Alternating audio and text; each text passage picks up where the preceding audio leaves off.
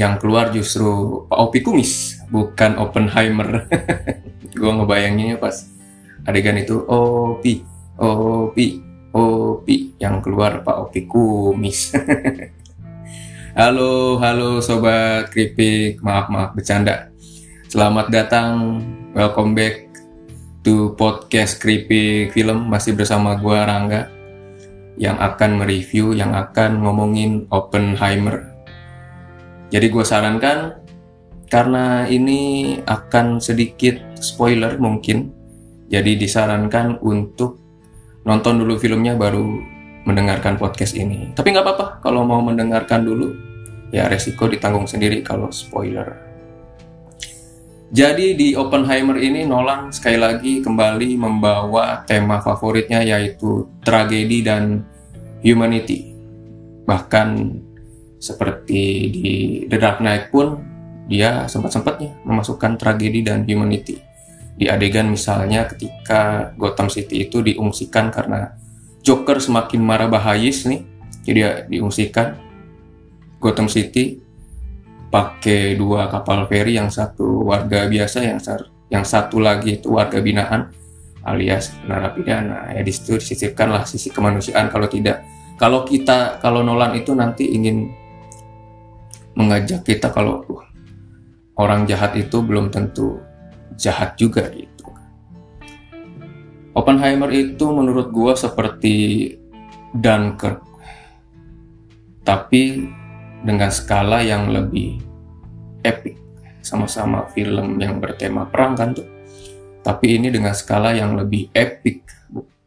Terus dengan pembahasan juga yang menurut gua lebih deep, lebih dalam dengan segala kemewahan, terutama di bagian teknis, visual, dan audio.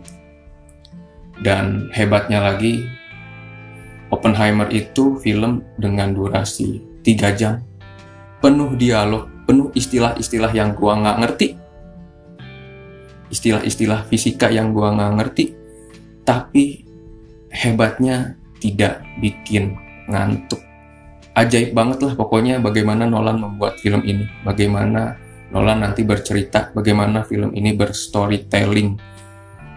Kayak nontonnya lebih kayak lagi nonton sulap dan lebih sulap dibandingkan filmnya Nolan The Prestige. Itu sih menurut gue ya. Dan Nolan pun berhasil tadi kemewahan teknis visual audio visual dan audio itu benar-benar dimaksimalkan dimanfaatkan dengan sangat-sangat baik menurut gue Nolan itu berhasil menerjemahkan isi kepala Oppenheimer yang selalu bergerak, yang selalu memikirkan segalanya termasuk juga alam semesta dan bintang mati ya dengan spesifik. Diterjemahkan dengan visual-visual uh, luar angkasa, bintang, planet, percikan cahaya, ledakan-ledakan bombastis lah, yang seakan-akan ya gitu. Oppenheimer itu pikirannya selalu ke mana-mana melanglang buana lah sing apa intinya singkatnya. Dan itu Nolan berhasil menerjemahkan itu gitu, agar kita mengerti wah kayak gini nih kepalanya Oppenheimer yang seakan-akan itu mengingatkan gua dengan isi kepalanya itu yang bervisual warna-warni planet itu mengingatkan gua dengan ya open opening Oppenheimer ini satu jam pertama Oppenheimer ini mengingatkan gua dengan Tree of Life-nya Terence Malik. Kalau ada yang pernah nonton Tree of Life, mungkin akan ingat apa pas nonton Oppenheimer ini bagian awal Oppenheimer ini mungkin akan kayak gue inget ke ke Tree of Life-nya Terence Malick. Lalu nggak hanya visualnya, audionya pun juga sama-sama fantastik, sama-sama gila gitu. Bagaimana nanti apa ledakan pikiran dan ide-idenya si Oppenheimer ini juga dibunyikan dengan sangat menggelegar gitu. Ya mungkin lebih menggelegar daripada nanti momen-momen yang kita tunggu pas apa tes bom atom itu gitu. Gila. Gila lah pokoknya. Jadi ya kayak kayak film ini jadi dari adegan ini pun kayak memperlihatkan kalau film ini semata-mata memang tentang film ini semata-mata tentang Oppenheimer bukan tentang bomnya gitu kan. Makanya makanya benar-benar di highlight itu ya pikiran Oppenheimer nanti kegelisahannya Oppenheimer gitu. Momen-momen pak momen-momen tes bom atomnya itu memang sangat menarik gitu. Tapi nanti Nolan bisa lah bikin bikin tetap highlightnya itu ya ke Oppenheimer si OP ini. Ya tadi itu dengan via Oppenheimer itu visual dan audionya benar-benar gila pokoknya via visual dan audio tersebut Nolan seakan-akan ingin penonton itu tersedot gravitasi lubang hitam isi pikirannya Oppenheimer, Opi ini, si Opi kumis. Sekaligus kayak otomatis lah Nolan itu ingin mengajak, ingin menyeret kita merasakan emosi dari Oppenheimer.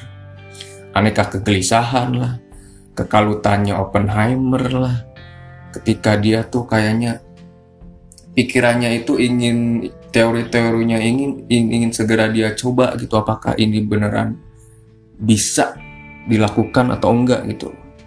Ya gitulah kekalutannya ketakutannya juga. Sekaligus nanti kegembiraan dia saat teori-teorinya tersebut bisa diwujudkan gitu. Tak hanya bersarang di kepalanya itu. Ya Nolan pokoknya berhasil lah bikin kita jadi ikutan merasakan apa yang Opi rasakan di film ini gitu. Dan semakin kita terjerumus ke dalam filmnya gitu, maka selamanya Nolan akan membuat kita serasa dihantui gitu. Seperti film horor ini. Memang seperti film horor Oppenheimer ini. Kita serasa dihantui sepanjang durasi bagaikan sedang nonton film horor. Film horor yang atmosferik, film horor yang haunting, yang sepanjang film bikin kita merinding. Pokoknya, iya, Oppenheimer ini memang, emang menurut gua sungguh-sungguh haunting. Apalagi, apalagi ya kita kan tahu bagaimana dampak dari dari Project Manhattan yang dipimpin oleh Oppenheimer ini bom atom yang nantinya dijatuhkan di Nagasaki dan Hiroshima. Makanya walaupun walaupun sama sekali nggak ada adegan, nggak ada gambaran, nggak ada visual yang memperlihatkan ledakan atau pas nanti Nagasaki di bom itu sebenarnya ya walaupun nggak ada adegan itu pun film ini kita bisa kalau kita kan udah tahu bagaimana gambaran tersebut gitu jadi tanpa adegan itu pun film ini tetap bikin gue merinding karena gue tahu yang dibuat oleh Oppenheimer ini akan akan menewaskan banyak orang, akan membakar ratusan ribu orang di Hiroshima dan Nagasaki gitu.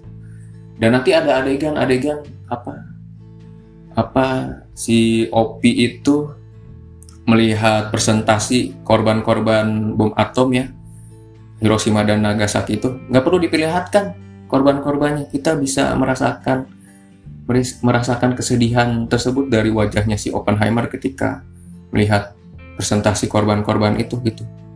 Kita bisa ikut merasakan karena kita tahu kita pernah lihat di dokumenter lah di film-film juga lah bagaimana korban korban korban-korban bom atom itu yang yang yang badannya hitam itu ada ada gue ingat ada foto anak kecil kalau nggak salah yang badannya itu angus.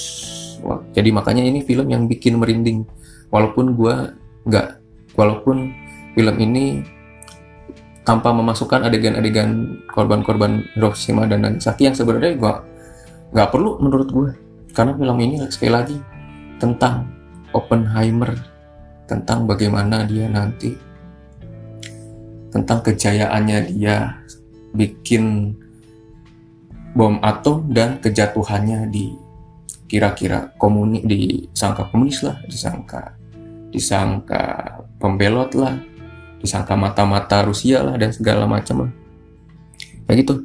Semakin kita terjerumus maka Nolan kayak semakin membuat kita dihantui oleh Oppenheimer oleh film ini. Eh, sepanjang film gue merinding kayak nonton lagi nonton film-film horornya James Wan aja. ya ada jump scare nanti. Bukan setan tapi kayak ledakan tiba-tiba. Ketika lagi berdialog atau ledakan. Kayak jump scare-nya kayak jump scare-nya James Wan aja. Nolan harusnya habis ini bikin film horor kayaknya. Nggak mungkin. Sekali lagi ya ini ngalor ngidul nih maaf reviewnya. Tapi gue karena saking sukanya sama Oppenheimer gue jarang-jarang nggak ya nge-review film film selain horor. Kan seringnya di podcast ini nge-reviewnya horor horor mulu film Indonesia mulu. Gue pengen lah no nge-review Oppenheimer kayak gini yang drama tapi sangat-sangat menarik gitulah ya mungkin karena ini kayak film horor juga ya makanya jadi gue jadi kedekatan gue dengan film horor jadi kesukaan gue dengan film horor kayak kayak ya di sini ke Oppenheimer juga karena karena kayak film horor jadi gue suka juga. Sekali lagi tiga jam penuh dialog ya padat dengan istilah-istilah fisika, rumus-rumus fisika yang yang sebagian besar gue nggak ngerti sama sekali. gue dulu bego fisika asli. Terus banyak nama-nama yang gue nggak kenal lah. Intinya walau dulu ya itu gue bego sama fisika dan 10% tahu sejarah tentang Oppenheimer gitu ya gue pernah ngeliat dokumenter dok, dokumenter uh, perang dunia kedua ya tahu sebagian orang-orang yang disebutkan di sini. Kayak kayak Oppenheimer sendiri kayak nanti Eisenhower, Heisenberg dan yang lain-lain. Ya intinya walau gue nggak nggak 100% ya kayak 30% kali ya gue ngerti apa yang diomongkan film ini tapi film ini tuh tetap tetap menarik gitu. Tiga jam tapi nggak bikin ngantuk. Malah makin ke sini makin menarik gitu. Karena Nolan sebenarnya nggak nggak memaksa kita untuk mengerti apa yang diomongkan dengan apa yang diomongkan dengan film ini gitu.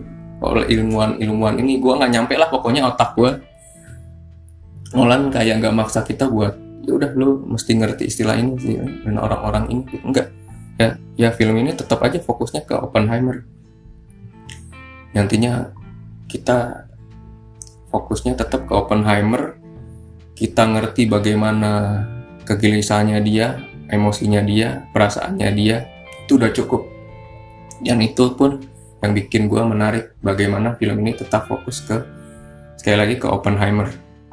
Dan dunia sekelilingnya itu ya kita bisa googling sendiri lah siapa ini siapa sih itu siapa si Taylor siapa nantinya si orang yang menuduh menuduh open opi macam-macam lah. Kayak si Strauss lah. Kayak nanti kayak nanti juga istri-istrinya istrinya Oppenheimer lah. Kita sebenarnya bisa googling sendiri gitu. Di luar di orang-orang atau istilah-istilah di sekelilingnya Opi itu. Ya pokoknya film ini walaupun tiga jam penuh dengan dialog yang gua ngerti fisika dan lain-lain film ini tetap menarik loh menurut gua. Gue nggak ngerti gimana Nolan bikin film ini jadi menarik. Walaupun tiga jam walaupun dengan penuh dialog. Rumus-rumus. Lihat papan tulisnya Oppenheimer aja gue pusing. Tetap aja gue menarik gue ngeliatin aja papan tulisnya. Gila. Menarik sekali. Ya gitu karena film ini memang baik lagi ya tentang manusianya tentang si Oppenheimer gitu dengan segala perang batin yang nantinya bergerumuh lah diwakilkan dengan cahaya lah dengan api lah yang sekal yang sesekali yang gue sebut tadi jegar-jeger gitu kayak jump scare-nya di film-filmnya James Wan. Ya gitu Opi walaupun film Oppenheimer itu walaupun film perang walaupun film biopik drama historical tapi terlihat kalau menurut gue terlihat sangat haunting. Tiga jam akan terus dibuat merinding kayak lagi lihat film horor aja. Atmosferik. Terus momen-momen epic ya di sini yang makin memperlihatkan ini tuh. Build up-nya itu yang lagi-lagi dekat dengan film horor yang sering gua tonton film-film horor bagus yang sering gua tonton. Kenapa eh, sekali lagi gua suka film ini? Karena bagaimana Nolan nantinya bisa membuild up mengkonstruksi ketegangan yang yang sangat apa ya ketika nanti ada kan momen ketika sebelum bom atom itu tesnya itu diledakkan ya. Nah itu momen-momen tegangnya itu build upnya menurut gua dapat banget lah. Dari tadi ngeliatin jarum jarum apa tuh? Jarum detonatornya lah. Nanti ngeliat orang-orang si Taylor pakai pakai apa tuh? Pak pakai semacam masker dulu lah buat melindungi dari ultraviolet lah. Ngeliat orang-orang nanti tiarap di di tempat tidur lah di kasur lah yang di ditaruh di tanah itulah pokoknya momen-momen detail yang bikin film ini jadi makin menegangkan ketika bom atom itu mau diledakkan dites ya kan tapi lucunya ketika di awal film ini jegar jegar jegar jegar dengan ledakan tapi lucunya ini ini ini hebatnya Nolan di sini nih. Momen ini benar-benar mempermainkan ekspektasi penonton. Kita tuh soal, soal soalnya gue pribadi udah expect kayak menunggu-nunggu pasti ada jump scare, pasti ada hantu ya kalau di horror ya. Sorry. Tapi di sini Nolan kita berekspektasi oh kan wah ledakan bomnya itu kayak seakan wah gitu kan. Tapi enggak ternyata ketika mau tikal meledak justru silent kita kayak serasa diajak kayak nyawa kita tuh kayak melayang kayak Dalton lah kayak atau tiba-tiba astral. Tiba-tiba kayak silent momen itu kayak kita tuh diajak untuk memikirkan. Memikirkan ya ledakan itu cuma ada di pikiran aja gitu kayaknya. Justru momen itu silent nggak nggak gue sangka-sangka. Hebat lah pokoknya Nolan di momen itu tuh momen momen-momen momen favorit gue di film ini lah yang gue kira jegar kayak gimana tuh silent. Nah, kayak diajak buat buat membayangkan sebentar. Diajak kayak buat iya. Dampaknya dampak dari bom atom ini tuh sangat menyedihkan lah mungkin silent itu kita diajak buat itu kayak Nolan. Genius lah bangsat Nolan itu nggak ngerti deh gue gimana bisa kayak gitu. Yang just yang harusnya julger gitu malah silent. Atmosferik itulah. Bener-bener momen yang atmosferik. Ya selain visual selain audio visual selain selain audionya selain story story tellingnya yang gila sampai gue sampai belepetan gitu ngomongin Oppenheimer saking terlalu bersemangat. Tapi gue nggak kadang gak, apa nggak kayak nggak tahu gimana cara ngomongnya gitu saking speechless nonton film ini. Ya selain audio selain visual yang gila inilah ini yang yang bikin Oppenheimer itu semakin menarik. Karena acting pemain-pemainnya. Terutama akhirnya Killian Murphy jadi lead di film dengan skala sebesar ini gue sangat-sangat sangat-sangat ikut seneng sih. Seneng banget melihat Killian Murphy yang biasanya jadi ya terutama di film-filmnya Nolan ya.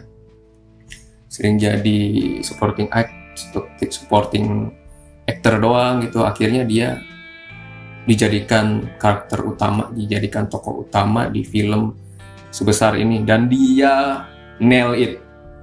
Dia bisa mem memerankan Oppenheimer dengan sangat-sangat baik.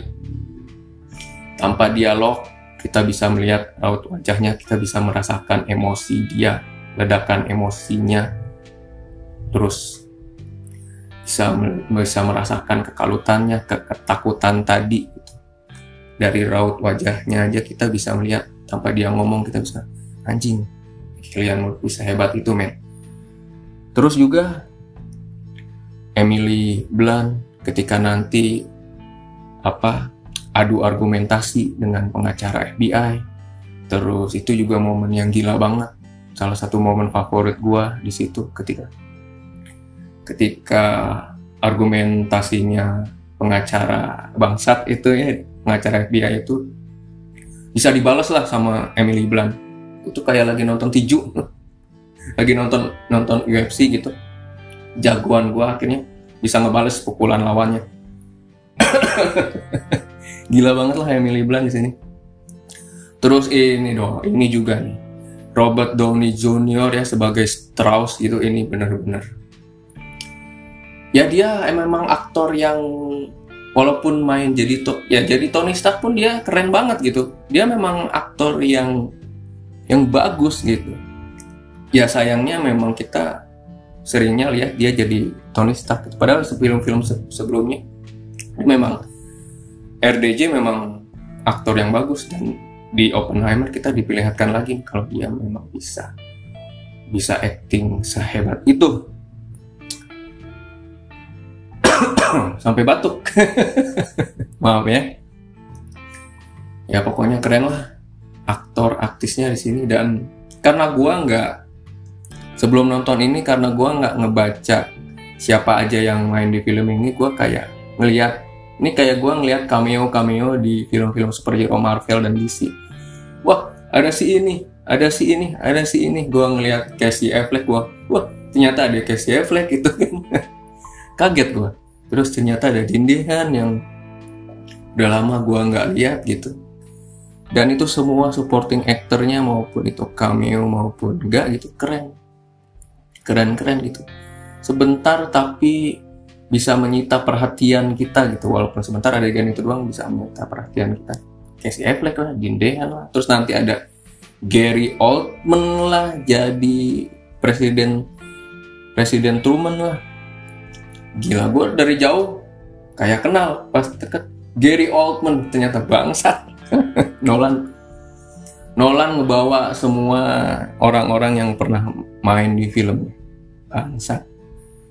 Keren sih ini assemble cast yang mantap banget selain storynya mantap audionya mantap visualnya mantap acting actingnya juga mantap. Terakhir ini nih. Kayaknya nggak Abdul kalau gua nggak ngomongin musiknya Ludwig Goranson di film ini. Karena film ini benar-benar ya karena musiknya dia tanpa musiknya dia kayaknya kita ya kita bisa merasakan lah emosinya tapi kayak pasti nggak akan komplit tanpa scoringnya si Ludwig Goranson ini. Apalagi setiap adegan pasti musiknya dia dibunyikan lah walaupun gak hingar-bingar gitu pelan-pelan tapi kayak kayak secara nggak sadar kita diajak diseret-seret diajak-ajak oleh musiknya Ludwig Goranson untuk ikutan sedih, ikutan marah, ikutan haru, ikutan emosi lewat musik ini. Nolan emang seperti film-film sebelumnya, dia tuh seneng banget memainkan musik di setiap adegannya. Wah ini sepanjang film kayaknya musiknya Ludwig Göransson bunyi terus, gitu kan? Aduh, sampai batuk. Sampai seakan-akan musiknya itu ya menemani perjalanan Oppenheimer gitu dari muda sampai tua dari senang sampai susah dari jaya sampai jatuh musiknya itu menemani emosi musiknya Ludwig Göransson itu kayak menemani terus kita diajak diajak roller coaster juga lewat musiknya si Ludwig Göransson itu dan gue sangat-sangat suka banget sih sama scoring Oppenheimer ini. Scoringnya Ludwig Goranson. Yang entah kenapa ngingetin gue dengan Inception lah. Dengan juga musik di Arrival lah. Gila lah musik-musik yang gue seneng itu ada di di Oppenheimer ini oleh yang di aransemen yang dibuat oleh Ludwig Göransson. Gila wah gue harus napas dulu. Oppenheimer gila pokoknya. Gue berapa kali nyebut nyebut gila ya di review ini. Semoga nggak bosen ya yang bosen juga nggak apa-apa. Review tadinya gue mau mau nge-review 3 jam juga tapi mungkin capek kali ya. Jadi sampai sini aja review Oppenheimer. Overall pokoknya nonton aja lah. Oppenheimer itu drama historical dan biopik yang sekali lagi sangat haunting. Sampai terasa seperti sedang menonton horor atmosferik haunting yang bikin merinding. Didukung juga oleh jajaran bintang yang sungguh apik. Visual luar biasa sinematik dan scoringnya Goranson yang mencabik-cabik. ah gila. Habis ini mau dengerin scoringnya lucu Goranson lagi kayaknya. Pokoknya Oppenheimer adalah film yang epic. Film so far film terbaik menurut gua tahun ini. Versi gua ya, ini versi pribadi gua film yang epic lah pokoknya gua ngasih empat setengah bungkus keripik untuk Oppenheimer. Sip thank you. Thank you banget yang udah mau mendengarkan ocehan gue yang nggak penting sambil batuk-batuk sambil ya belepetan reviewnya. Terima kasih yang udah dengerin sampai ke menit 27 nih hampir setengah jam. Gue ngalor ngidul ngomongin Oppenheimer ya pokoknya film yang kayaknya nih gue habis review ini kayak pengen nonton lagi nih entah kenapa udah gue udah sebelum review ini gue udah nonton dua kali dan kayak nagih film Oppenheimer padahal filmnya isinya cuma dialog-dialog doang tapi kayak gue ingin merasakan lagi ingin merasakan emosi ketika nonton film ini. Aneka emosi, kayak rasa lah film ini pokoknya. Oke, sekali lagi thank you yang udah mendengarkan podcast Kripik Film di review Oppenheimer. Sampai ketemu di review dan podcast berikutnya. Jangan lupa juga follow Kripik Film di Spotify dan kalau lu dengerinnya di YouTube jangan lupa di subscribe. Thank you sekali lagi, gua Rangga. Thank you, ciao. Opi, opi, opi, opi.